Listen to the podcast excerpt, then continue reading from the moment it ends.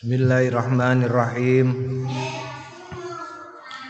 Qala rahimallahu taala wa nafa'ana bi ulumin fid amin.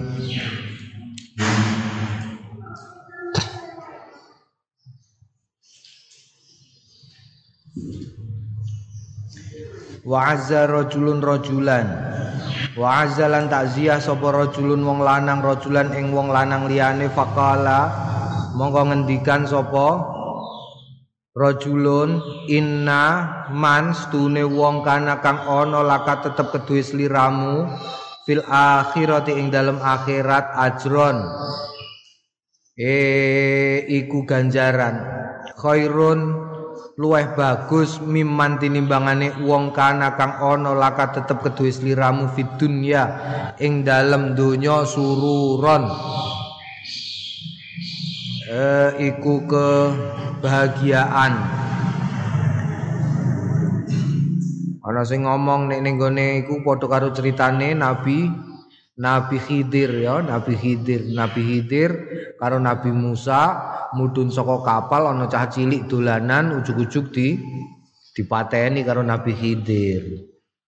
Ketika Nabi Musa eh, apa jenenge nyuwun pirsa ning Nabi Khidir dingendikani iku engko bocah gedene nyusah nomboke dadi mending saiki mumpung isih enom tak pateni wae.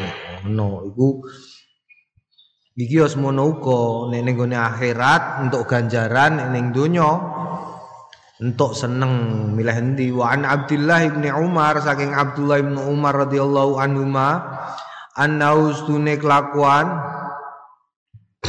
dafana ngubur sapa Umar radhiyallahu anhu Abdullah ibnu Umar radhiyallahu anhu ibnan ing putrane. Ibnan putrane lau tetep kedue Abdullah ibnu Umar. Wa dohaka lan gujeng sapa Abdullah ibnu Umar inda kubri ing dalem ngarsane kubure putrane Abdullah bin Umar. Pakila mongko den ngendikaake lahu marang Abdullah bin Umar atat haku indal qabri?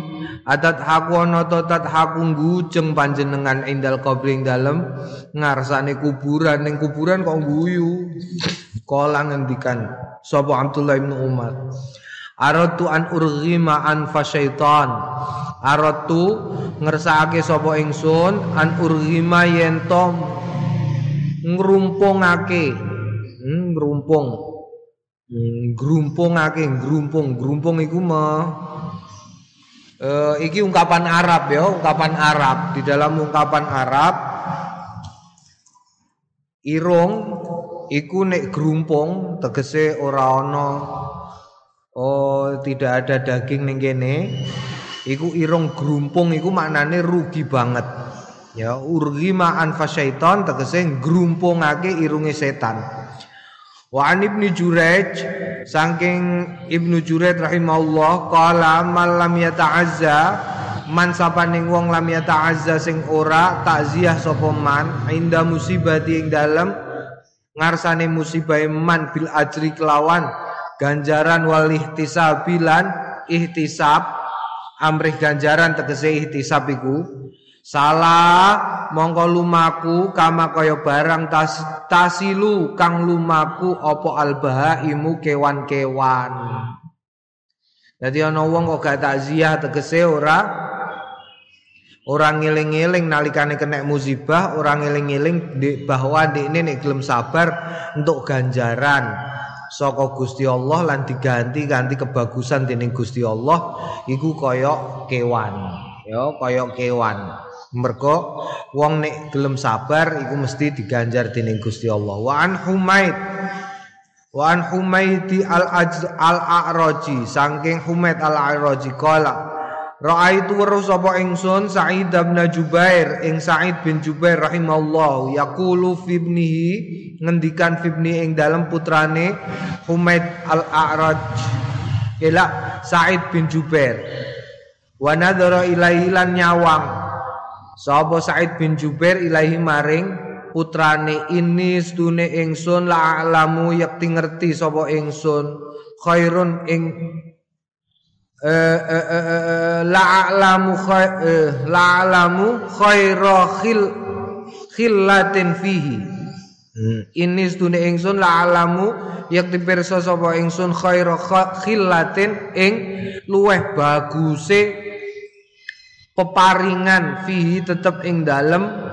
Kene kilaten ngendikaake mahia napa menika? Kala ya mutu mati sapa anak?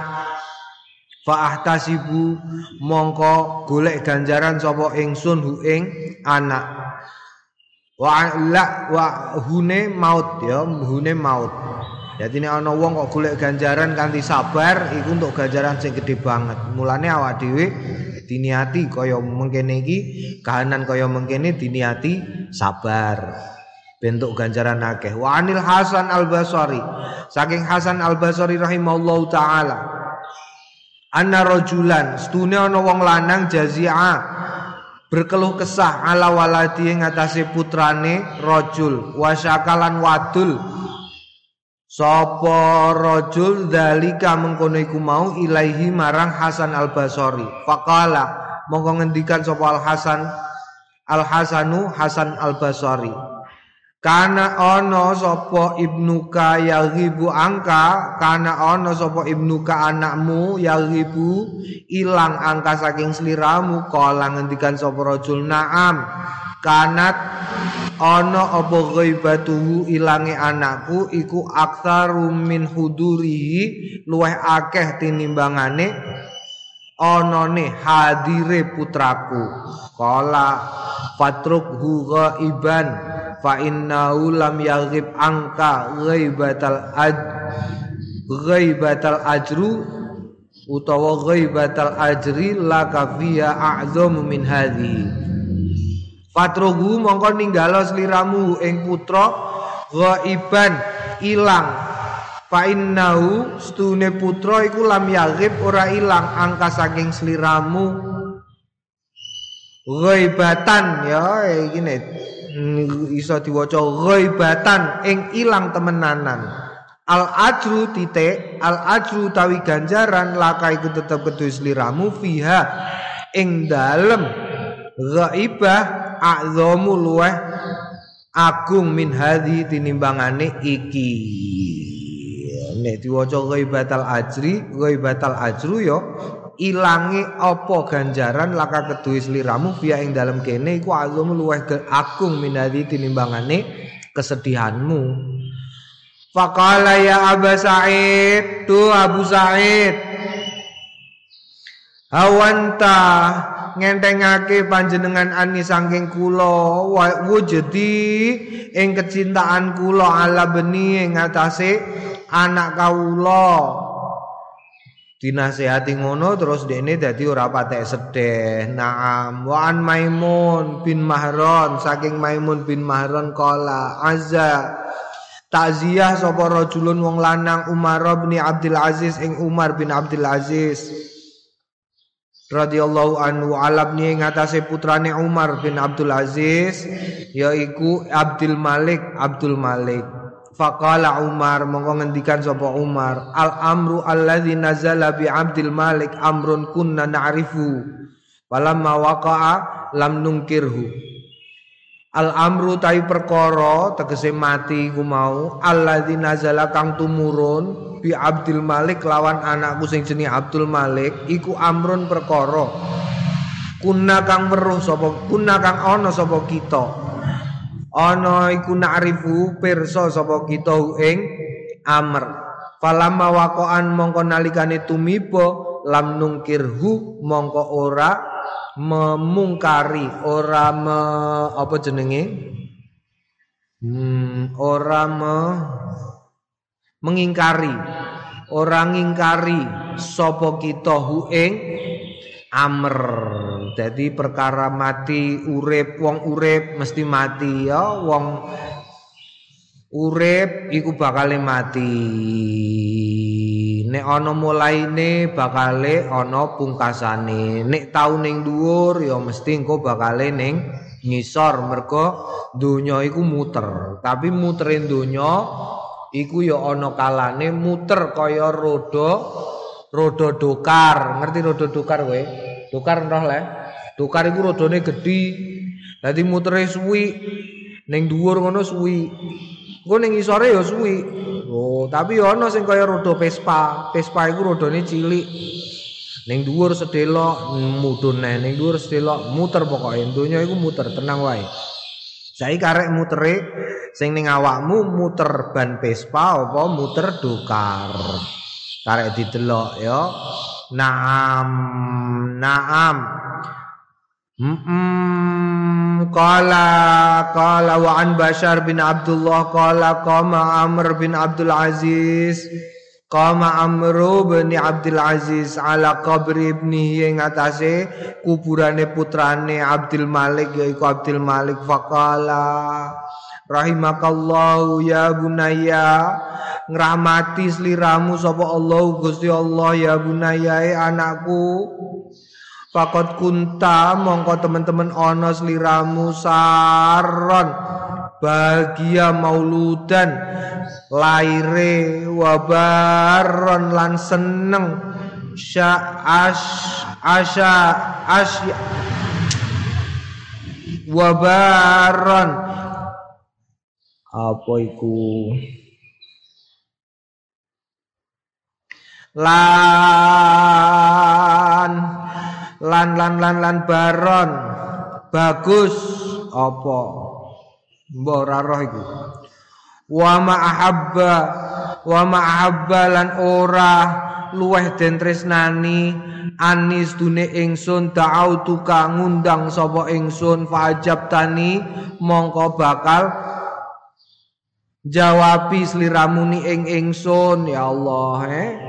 Menyedihkan jadi ning ngarepe iku putrane Abd, Umar bin Abdul Aziz iku asmane Abdul Malik. Ya Abdul Malik. Nalikane sedo kue lahir bocah sing nyenengno bareng kue gede kue urip. Ya uripem urip sing apik. Tapi nalikane kue mati iku luweh tak senengi mergo bakale kue ngundang-undang aku. Kok nek aku sing ngundang kue ning gone swarga engko kowe ya jawab ana ning gone panggilanku an maslamah lan saking maslamah qala lama mata Abdul Malik lama mata nalikane sedo sapa Abdul Malik bin Umar kasyafa mongko buka sapa abu abai an waji saking wajah Abdul Malik waqala rahimakallah ngrahmati sliramu sapa Allah. Gusti Allah ya bunaya aduh anakku. Pakot sarorta monggo teman-teman nyenengake sliramu bika sebab sliramu. La fakot saror tu bika. Monggo teman-teman seneng sapa ingsun bika sebab sliramu. Yauma nusyirtu. Na yauma busyirtu bika yauma ing dalam dinane busirtu ga dikabari ingsun bika kelawan lairmu walakot amarta mongko yakti teman-teman umur seliramu. Masruron seneng bika sebab seliramu. Wama anta lan ora ana sliramu alaya tetep ing atase ingsun saatan ing dalem siji wektu ana ingsun via tetep ing dalem saah asar rumin saati luweh tak tresnani luweh seneng aku min saati tinimbangane waktuku iki hari ya iki amma wallahi amma ono dene wallahi demi Allah ing kunta lamun ana sliramu la tad'u abaka ilal jannah la tad'u yakti ngundang sliramu abaka ing bapakmu ilal jannah marang swarga. Hmm? Naam. Qala Abdul Hasan Al-Madaini ngendikan sapa Abdul Hasan Al-Madaini dakhala Umar bin Abdul Aziz Dakhala mlebu sapa Umar bin Abdul Aziz alam ni ngatasé putrane fi wajhihi ing dalem gerahe Abdul Malik putrane. Faqala ya bunaya kaifa tajiduka? Ya bunaya he anakku kaifa tajidu kepriye nemu sliramu? Kananmu piye? Kala ajiduni nemu kula ni ing ingsun fil haq ing dalam kebenaran kebenaran. Kala ya bunaya duh anakku li antakuna yakti ana sliramu fi mizani ing dalam timbanganku iku ahabbu luwe tak tresnani. Ahabba luwe demen ilaya marang ingsun min an akuna sang tinimbangane yen to ana ingsun fi mizani ing dalam timbanganmu. Tegese Aku lebih menyukai kalau sesuatu yang terjadi kepadamu itu terjadi kepadaku. Fakala mongko ngendikan sapa putrane ya abadi duh bapa li ayakuna yen to ana ma barang tuhibbu sing demen panjenengan ahabba ilayya iku luweh den tresnani ilayya marang ingsun min ayakuna tinimbangane yen to ana ma barang ahabbu kula tresnani. Naam sing mbok senengi kula tak senengi Pak. Wa Juwairiyah bin Asma an Ammi. Diwaca terus pokoke ya Bape nyedeh-nyedehi anjen Bape nyedeh-nyedehi wa an Juwairiyah bin Asma lan ngendi saking Juwairiyah bin Asma an Ammi saking pamane. Anak ikhwatan Stune pas seduluran salah satan sing telu syahidu mati syahid telu-telune yaumatustar. Yaumatustara ing dina tustar. Fastashhadu mongko padha amrih syahid sapa wong telu mau. Ana tiga bersaudara yang mati syahid. Pancen pergi berperang ketiganya meninggalkan mboke Fakarajat mongko metu sapa ummuhum mboke bocah telu iku mau yauman ing dalem dina siji dina ila suki ing marang pasar. Liba disania krana sebagian keperluane mbok fatalakoha mongko nemoni ha ing wadon sapa rajulun wong lanang hadara sing hadir sapa rajul tustara ing tustar Dadi ana kancane bocah telu iku mau ketemu karo mboke. Fa'arafathu mongko kenal sapa mbok hu ing rajul. Fasa'alatu mongko takon sapa mbok hu ing rajul an umuri baniha saking perkarane putra putrane mbok Fakala mongko ngendikan sapa wong lanang anakku piye jong Fakala mongko ngendikan Ustushidu niku sami sedo den sedake syahid. Faqalat mongko ngendikan sapa mbok? Muqabbilina am mudabbirina. Do madep do madep menghadapi kematiannya dengan gagah perkasa au mudabbirina utawa lari terkencing-kencing apa malih dene pas mati iku dene do ngadepi kematian dengan gagah apa wedi? Kala muqabilina madhep sami madhep kolat ngendikan sapa mbok alhamdulillah. Alhamdulillah. Nalu merkoleh sapa bocah telu al fauza ing kebegjan wahatu lan joko adzimara ing kehormatan binafsi kelawan ingsun hum lan. Gak ana wane ya kudune ana wane. Binafsi kelawan ingsun wa hum lan. Kelawan bocah iku mau wa abilan pak aku wa umilan mbokku. Anake mati telu kok dene malah muni alhamdulillah ya Allah Kultu adzimaru utawi adzimar bikas rizal kelawan kasro al mujamah sing ana titike. Wahum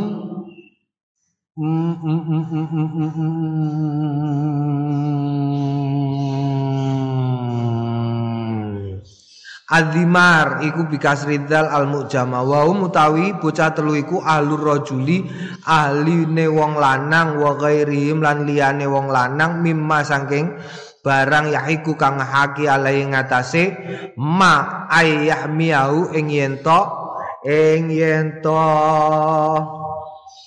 Me ing yen to menanggung hu ing ma tegese eh apa ya ya kehormatan iku lah dimar iku kehormatan wa qaulu lan pengendikane wong wadon tegese mboke hatu ai hafidu tegese jaga warau lan tegese menggembalakan.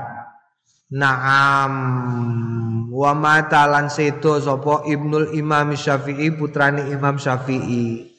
Fa ansyada mongko bersiir sapa Imam Syafi'i bikin puisi. Wa maddah ru'illaha kadza fastabir lahu.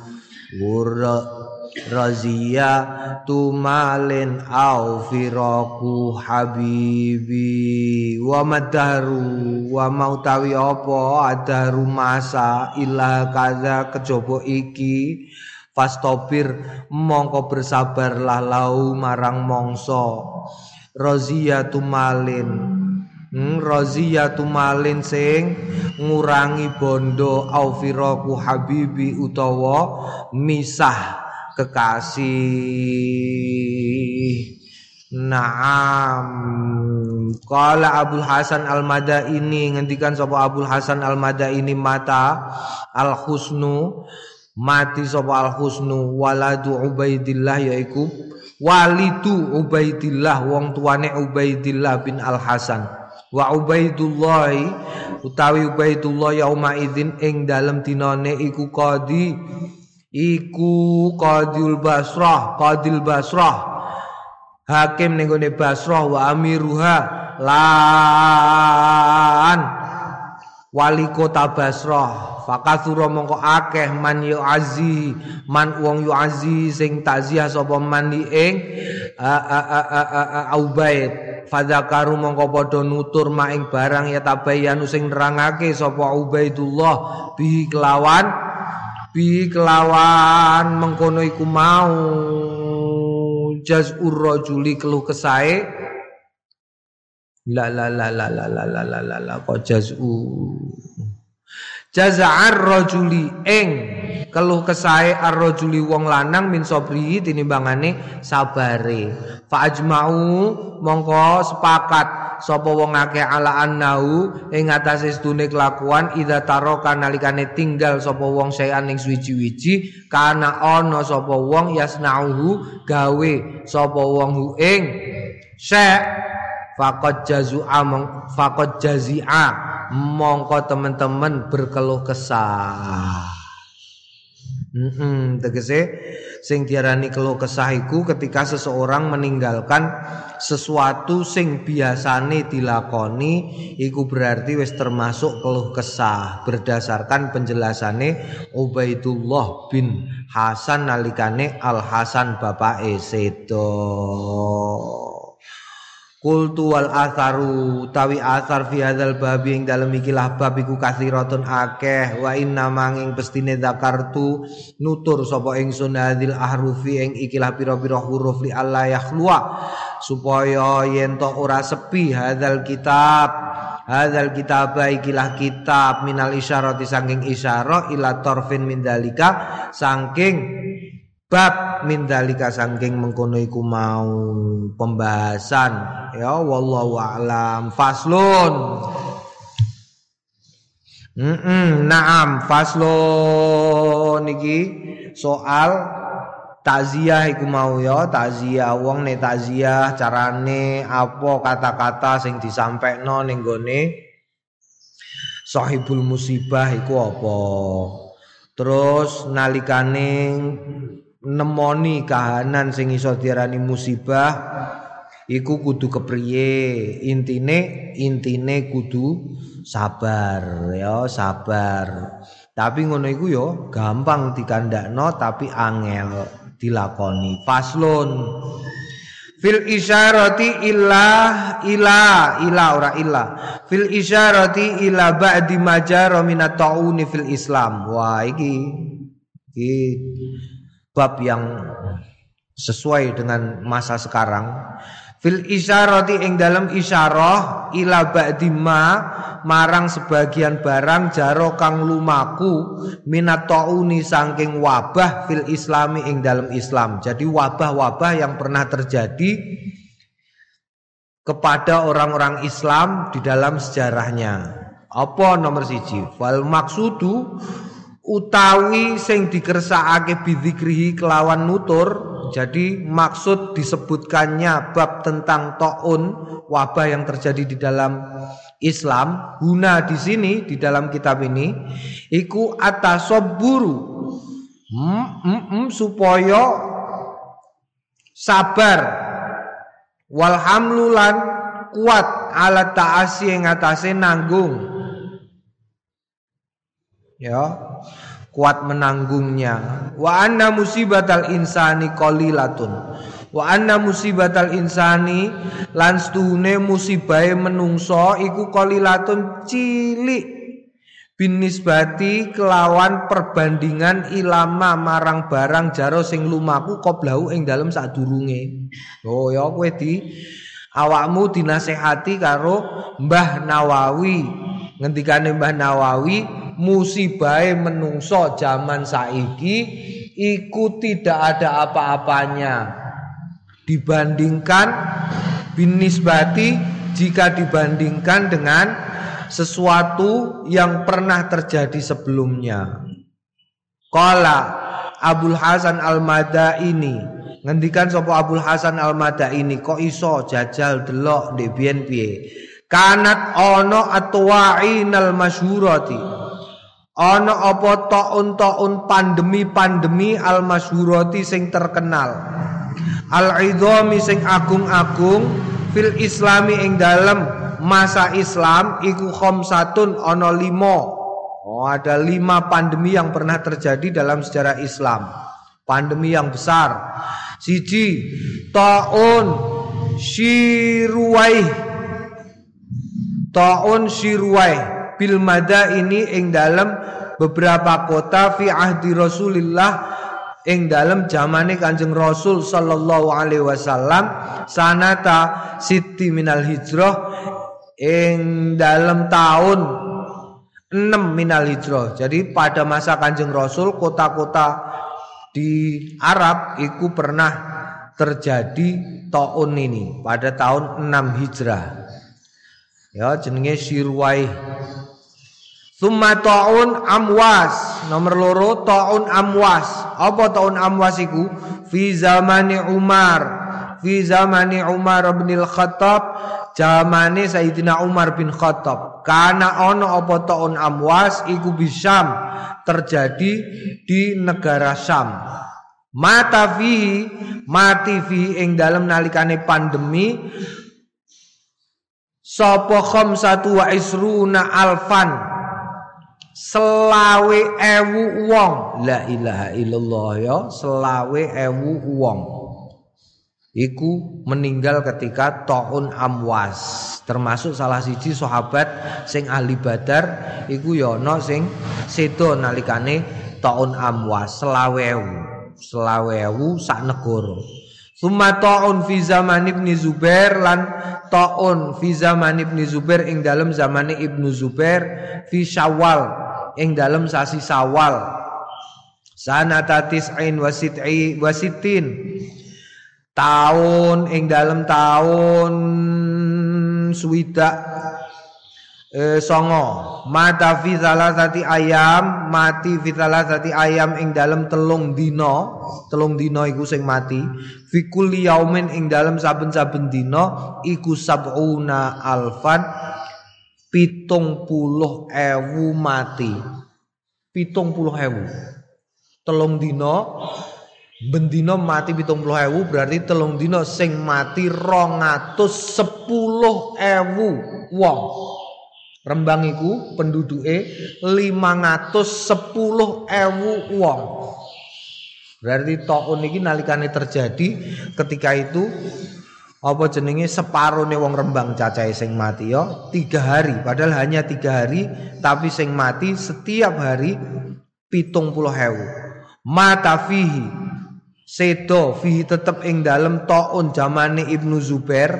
Li Anas kedue Imam Anas bin Malik gurune Imam Syafi'i radhiyallahu anhu salah satu wa tamanuna ibnan wolong puluh telu apane ibnan putrane? Wolong puluh telu putrane sedo ya Allah. Hmm? Imam Manas bin Malik. Wakila lanten ngendikaake salah tata salah satu wasab'una pitung puluh telu apane ibnan putrane? Salah satu tamanuna. Ya. Pitung puluh telu.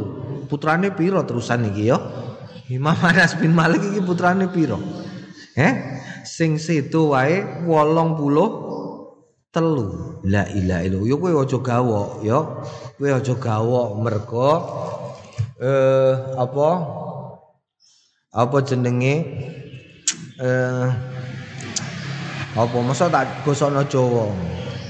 Aja aja engko di sensor sret Naam, mm, pokoke nek ana huruf zal kaf karo ra iku ya kaitane karo zal kaf karo ra ya. Kowe nek seneng zikir ya bi fathil bi fathil zal karo kaf iku ya qawi. Wa illa ya fala, ngono wae ya. ya kowe nek zikirem kok ora patek ora pate akeh wah ya dhaif eh ngono dhaif Naam. Makane kowe zikiranem para kuat ya, zikir santri ku zikire kuat. Sayyidina Ali iku nganti beser mani tak kandhani. Beser beser mani. Garwane pirang-pirang. Naam. Raja Sulaiman, Nabi Sulaiman iku garwane sewu. Sing telung atus garwa sing pitung atus eh, amat utawa sebaliknya menurut sebagian riwayat. Iku terus piye modele? La wallahu alam. Mertuane Kiai Hamid Allah yarham Kiai Hamid iku garwane sangang puluh songo jadi ini ono kok putrane kok ameh rabi dikandani sik. Eh kowe nek ameh rabi kondo-kondo ya Engko sapa ngerti sing mbok rabi iku dulurem dhewe. Mergo rabi sing dirabi 90 songo. Ngalap berkah. Ngalap berkah. Naam sangang puluh songo. Ya Allah Gusti. Ya iku mau. Eh? Bikasri Zal karo kaf Iku berbanding lurus Dengan bifathil Zal karo kaf. Idha kana fihi Zal kaf wa ra. Naam Lah kana qawi faqawi. Oh, faila ya fala. Jadi karek wong kok ora patek ya berarti zikire kurang.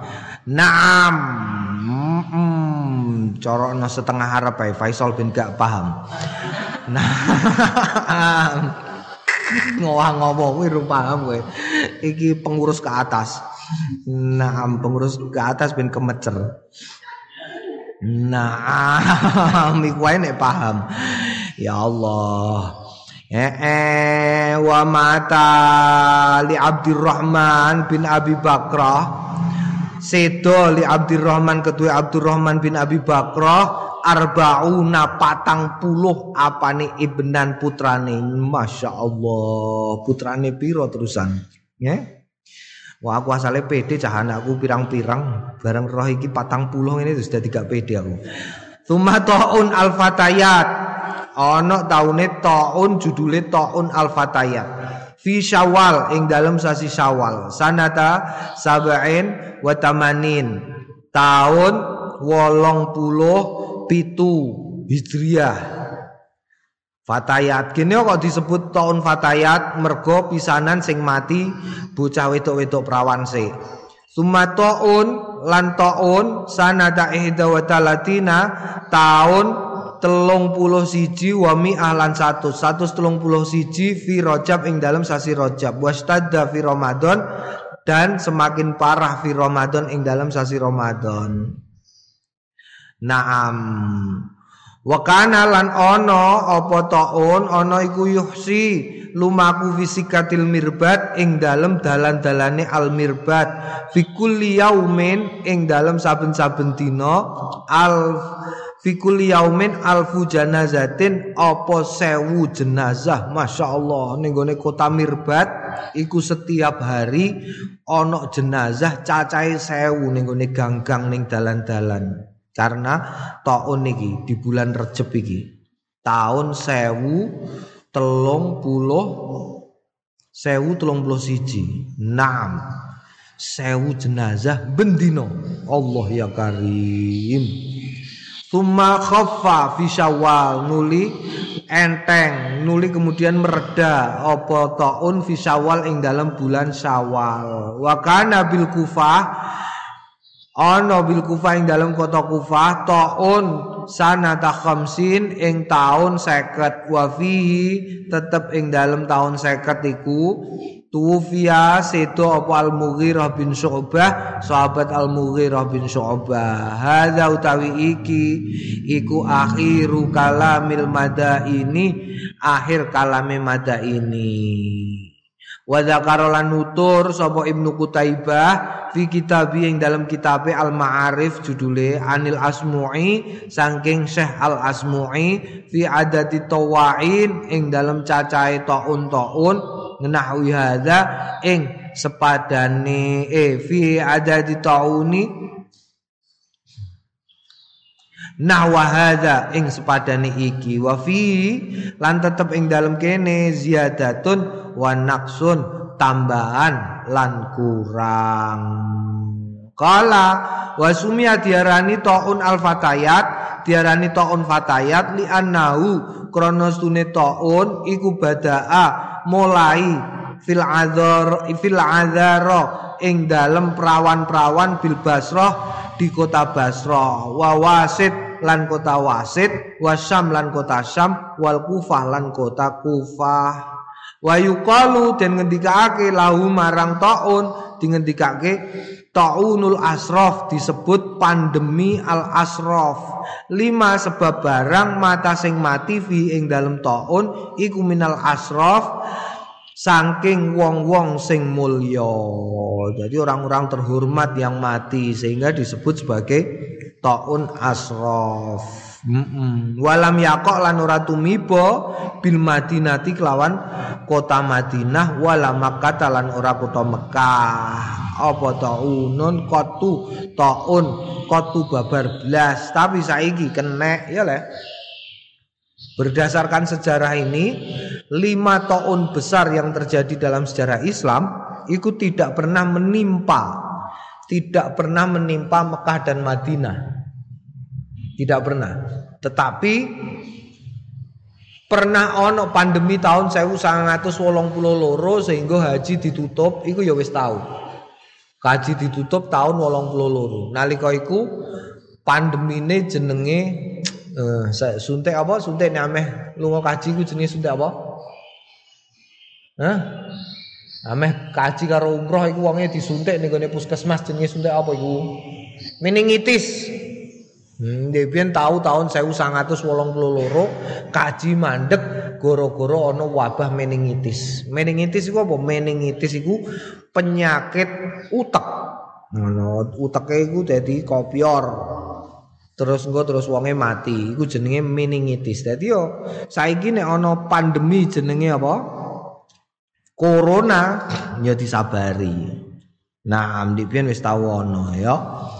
Wa babu tawi iki bab iku wasiun ombo wa fi ma zakartuhu fi ing dalem barang zakartu sing nutur sapa ingsun ing ma iku tambihun pepeling alama ing atase barang taroktu sing tinggal sapa ingsun ing ma. Dinggo pepeling.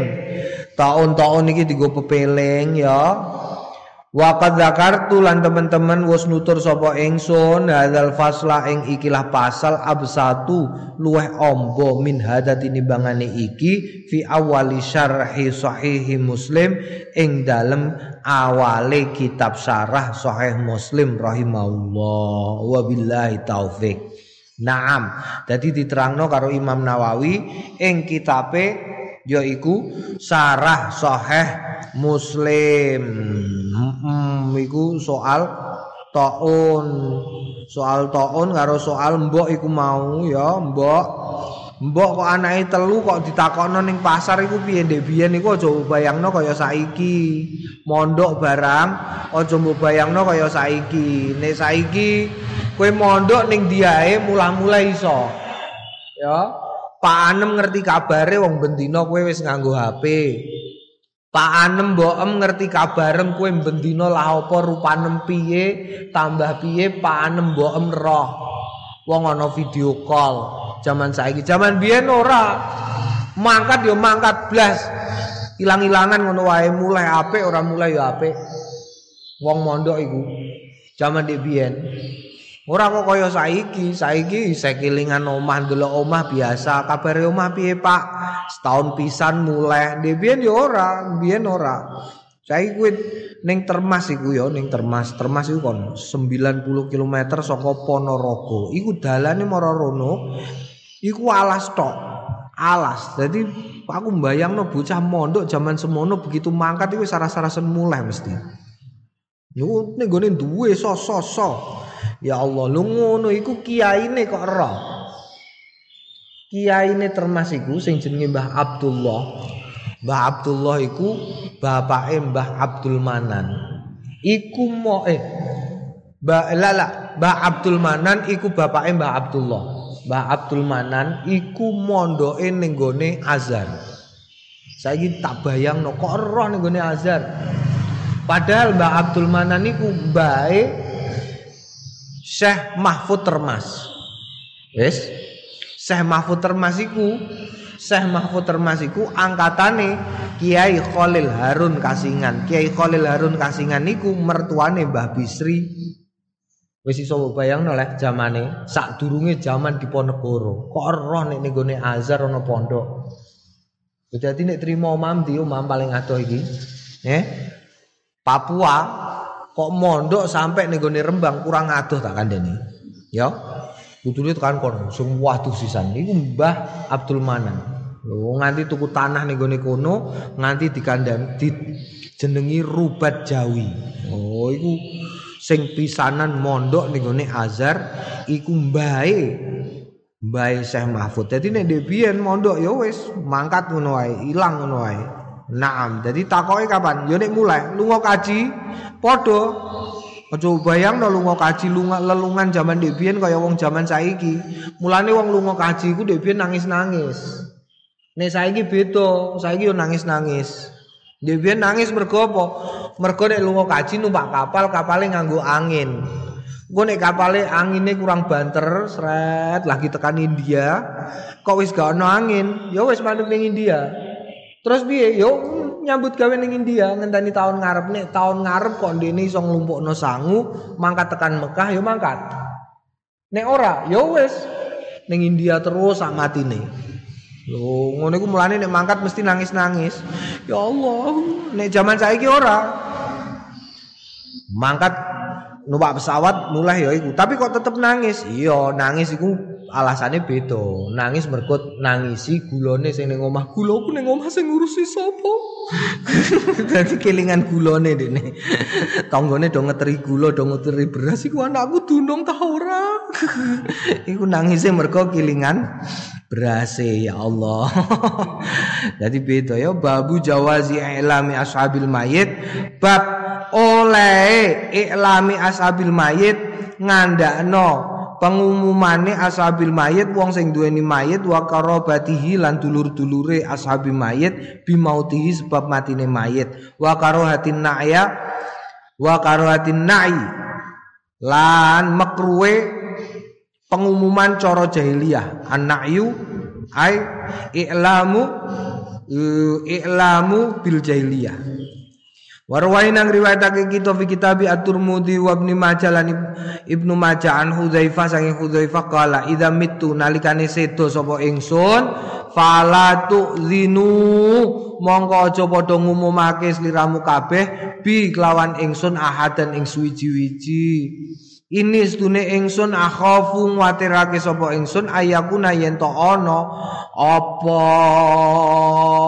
Iklam ana iku nayan pengumuman cara jahiliyah. Fa inni mongko sedune ingsun sami'tu mireng sapa ingsun Rasulullah ing Kanjeng Rasul sallallahu alaihi wasallam. Yanha nyegah anin na'i. Saking pengumuman cara jahiliyah. Qala at-Tirmidzi hadisun hasanun hadis hasan. Ya gak diumum-umumno. Gak usah diumum-umumno. Ngono. Biasanya nek wali-wali iku pancen nek sedo iku rada ana atraksine sithik. Hmm? Mbah Sahal.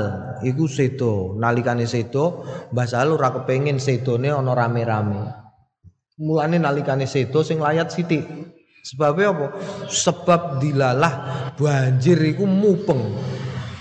Mupeng ngene iki pati ning tengah kiwa tengene banjir kabeh. Dadi gak ono dalan mara ning gone kajen niku gak ono, hampir-hampir gak ono. Dadi sing layat iku sithik banget. Kok umpamane ora ono banjir, Masya Allah, kajen iso kebak wong ora karu-karuan. Tapi Mbah Sahal ngersakno sombe nek mati gak usah rame-rame kaya wong-wong. Dadi sithik sing layat sithik. Kuwi kuwi aku aku karo Kiai Yahya numpak mobil sing gede iki bledek-bledek-bledek iki kowe klep mobilnya klep tekan tengah ratan kono ning juwono ketemu karo Gus Gopur ayo nunut. Jadi tekan pora mlakune lundun gledek gledek gledek gledek tekan kono wis meh telat. Iki kowe sing layat iku mok suwitik banget sithik banget. Ana sing tekan kono mergo numpak kapal ana sing nyewa truk. Nyewa truk tronton iku lho ndase iku disewa ben iso tekan kono mergo banjire pancen dhuwur. Ngono ngono iku. Sapa jenenge? Syekh Syekh Muhammad Mekah. Iku nalikane sedo tsunami tak kandhani donya eh. Mulane kowe hati-hati yo. Kowe sombe nek dadi wali kowe nek mati kowe gawe atraksi apa tah apa ngono sing kira-kira ora patek. Ora patek angel ngono yo. Ora patek angel. Ngono ngono. Mbah Maimun seto wayah kaji, tengah-tengahnya wong ngenteni kaji. Masya Allah. Hmm? Kok umpamane ning Rembang, Masya Allah, wiku dalan ora leren iku mesti. Wiyang-wiyung wiyang-wiyung terus. Apa jenenge? Ah ngono ani. La ilaha illallah. Jadi yo tergantung kowe sok eh mati sol kue mati terus gunung kendil jeblok wah serem itu ya gunung cilik ngono jeblok dur apa kok gunung kendil gunung mati kok iso jeblok iya paisol mati. Wah. Sangar ngono. Eh nabi kitab ibni turmudi kitab at-turmudi warwai nang riwayatake kita fi kitab at-turmudi kitab at-tirmidzi an Abdullah ibni Mas'ud saking Abdullah ibnu Mas'ud anin nabi saking Nabi Muhammad sallallahu alaihi wasallam Kala ngendikan iyyakum wan na'ya. Iyakum ngati-hati sliramu wan na'ya.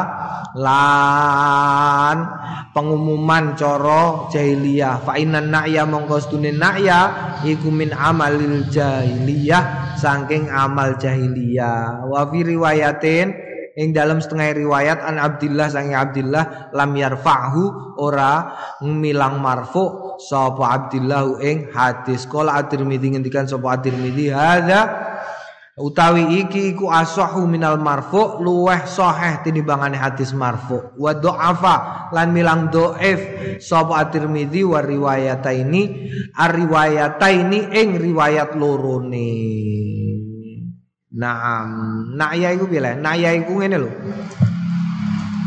Ngabari wong mati karo duret-duret. iku jenenge nakya. Piye iku? Ngabarine ngene umpamane ana wong mati fulan mati misale terus dulure fulan mara ning dulure liyane dulure dikandani lah sing ngabari iku karo nangis nangis oh, ciloko iki rembang ora sido pemilu piye iki iki gak sido lapo lapo mati mati ngono iku ngono iku jenenge nakya Mergo dhewe wong jahiliyah kok wong sing duwe dhuwit iku ana wong sing dikongkon numpak jaran muter-muter ngono iku karo nangis-nangis ngabarno nek ana wong mati. Ngono iku gak oleh ya. Lah nek niku musala spekere dingge pengumuman wong mati. Angsal napa mboten? Nah, ngene. Speaker kadang-kadang kan speaker musola atau masjid digo ngumumno mati. Ya lah. Esok-esok tok tok tok Assalamualaikum warahmatullahi wabarakatuh. Inna lillahi wa inna ngene iku piye? Oleh tau gak tergantung. Ngono tergantung. Tergantung umpamane piye? Umpamane speaker iku ndek biyen wakafane wong sing ngeki syarat wakafe mok dinggo adzan karo pengajian ya gak entuk. Ngono ya, ya gak entuk. Gak pengumuman nganggo speaker masjid. Nah, nah ora entuk ora entuk neh nek umpamane ngono ya ndadekno fitnah. Piye umpamane? Jam rolas matine jam rolas bengi. Jam siji kok terus speaker diurupno banter. Assalamualaikum Mbah Fulan. Ngono wong do tangi kabeh. La ilaha illallah jam siji bengi. Ngono iku gak entuk Nah, tapi nek sing biasa ya entuk. Maksude esuk awan orang ganggu tanggane ora ana wong sing lara entuk. Ya iku speaker masjid. Mereka kadang-kadang speaker masjid itu yo e, tergantung. Mulane kudu ditakokno iku yo sing diingi ngumumno iku Kang tangi Kang. Ngajine prei iku yo iku kudu takokno iku speaker iku wakafe akate piye iku eh? Iku dinggo apa akate? Apa dinggo ngaji? Apa dinggo uh, apa dinggo apa nek ame sembayang ngene iku jenenge pujian kok akate tuku speaker iku dinggo pujian? Karo dinggo solawatan karo dinggo ngaji kok dinggo pengumuman ngaji prei haram tak ada nih yo kena keharaman iku mau bocah. Nah kudu ditakokno iku. Akat-akatane piye iku? Bahaya iku. La ilaha illallah. Naam, kok haram gini yo? Ya haram, gasap kok gak haram iku piye? Qala At-Tirmidzi hadza rawaina fi sahihaini den riwayatake ing dalam sahih loro anna Rasulullah sedune Kanjeng Rasul sallallahu alaihi wasallam naa ngabarake an-najasiyah. Uh, Raja Najasi ila ashabi maring sahabat-sahabate. Dadi nalikane Raja Najasi, Raja Najasi ku Kristen tak kandhani ya, tapi nulung hijrah pertama kali wong Islam sing dipimpin dening Sayyidina Utsman bin Affan 80 orang dari Mekah iku nenggone Najasi. Rajane Kristen ngono ya, rajane Kristen. Lah iku nalikane mati Raja Najasi Kanjeng Nabi dikabari dening malaikat Jibril. Mulane terus dikabarno karo sahabat-sahabate. Sehingga keharaman keharaman ketidakbolehan menyampaikan kabar kematian itu tidak berlaku mutlak karena selain ono dawuh iyyakum wa na'ya fa inna na'ya min amalil jahiliyah ono dawuh anna Rasulullah sallallahu alaihi wasallam na'an najasiyah ila ashabi. Eh mulane ora lumaku mutlak. Wa rawaina fi sahihaini anna nabiyya sunni kanjeng nabi sallallahu alaihi wasallam qala fi mayitin ing dalem mayit Dafanu sing padha ngubur sapa wong akeh ing mayit bilaili ing dalem wayah bengi. Walam ya'lam lan ora pirsa sapa Kanjeng Nabi bi kelawan mayit. Afala kuntum adzantumuni bi? Afala ana ta ora? Ana sapa sliramu kabeh adzantumuni padha ngumumake ngabari sliramu kabeh ni ing ingsun bi kelawan matine mayit. Eh aku kok gak kabari leh iku sing marano ketidakmutlakan keharamannya. Qalal ulama iki pembahasannya. Qalal ulama al muhaqqiqun ngendikan sapa ulama al muhaqqiqun sing padha ahli kebenaran wal aktsaruna lan akeh-akeh ulama al muhaqqiqun min asala wal aktsaruna lan akeh-akeh min ashabina saking sahabat kita wa lan liyane ashabina yustahabu sunnah iklamu ahli mayit ngumumnone ahli mayit wa wa qura wa qarabati lan kerabat-kerabate ahli mayit wa asdiqaihi lan kanca-kancane ahli mayit lihadzainil haditsaini krana hadis loro iki. Ya hadis loro inna innal inna rasulullah na'as najasi karo karo afala kuntum. Sehingga sunah ngabarno matine saudara teman iku sunnah.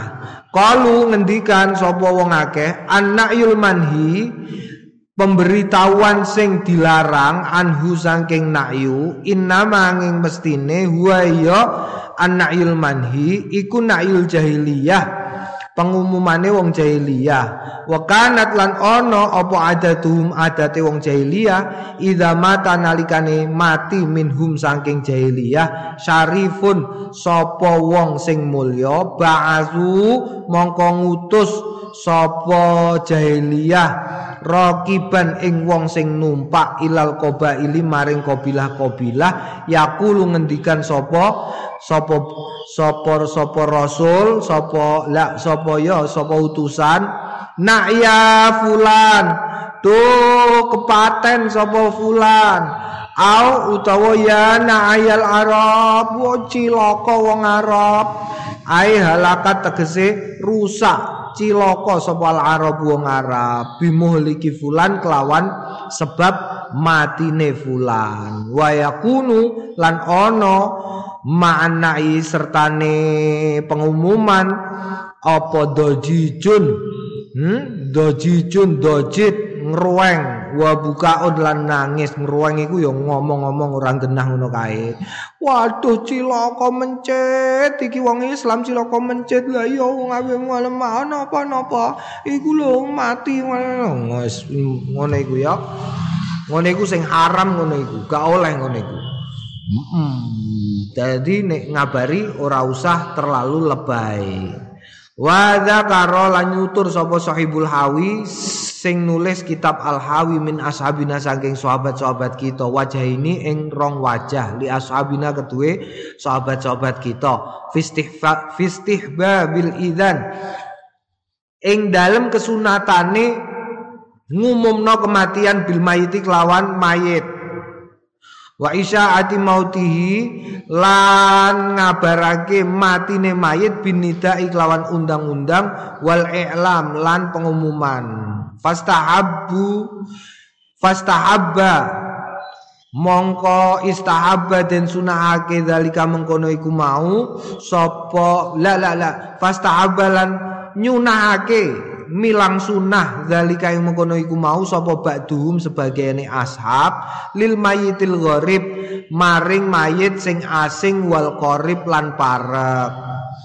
Lima krono barang fi kang tetep ing dalem min kasratil musallina saking akeh wong sing padha nyolati alaihi ngatasé mayit wada'ina lahu lan sing ndongaake lahu kanggone mayit. Dadi carane diumumno. Ben apa? Ben sing nyolati karo ndongakno akeh. Mulane kowe nek kepengin kepengin apa ya? Nulung ya nulung nulung tanggonem nulung dulurem nulung eh, eh, kenalanem apa nulung sapa wae. Salah satu caranya adalah dengan ketika orang itu mati solati itu yang paling uteng mulane aku kudune kudune nek ana mati aku wis ngumumno ning ngene daerah kene iki. Pokoke sak RT RT sak leteh iki.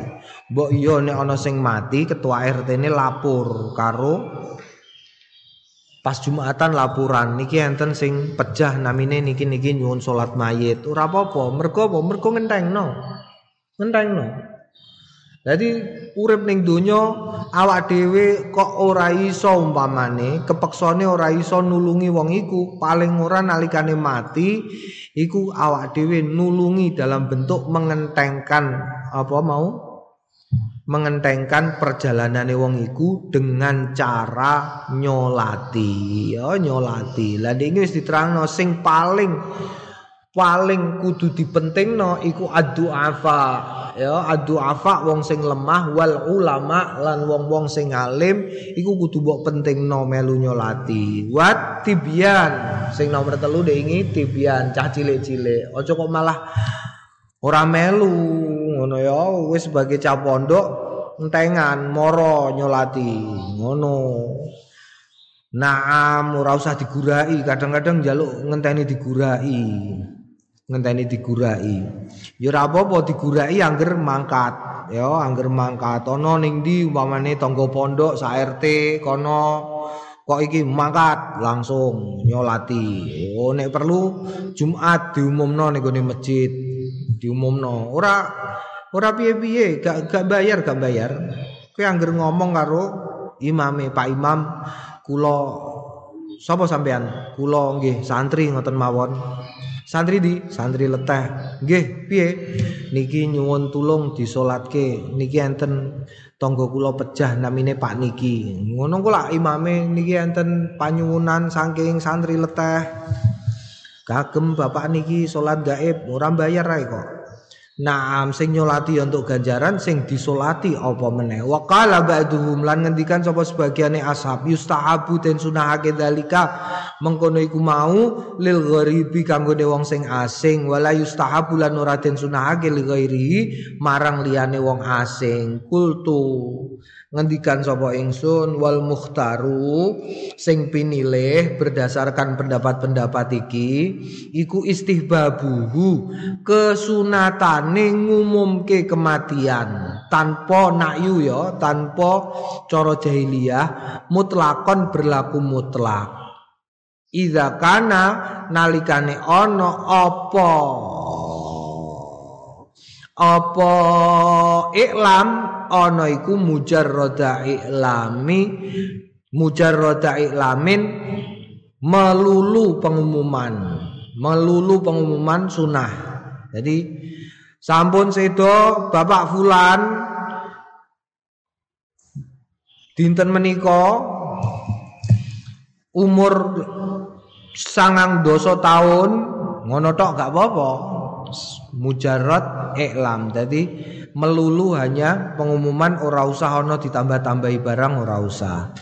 Babu mayu qalu fi hali ghuslil mayit qala wallahu a'lam bisawab alhamdulillahi rabbil alamin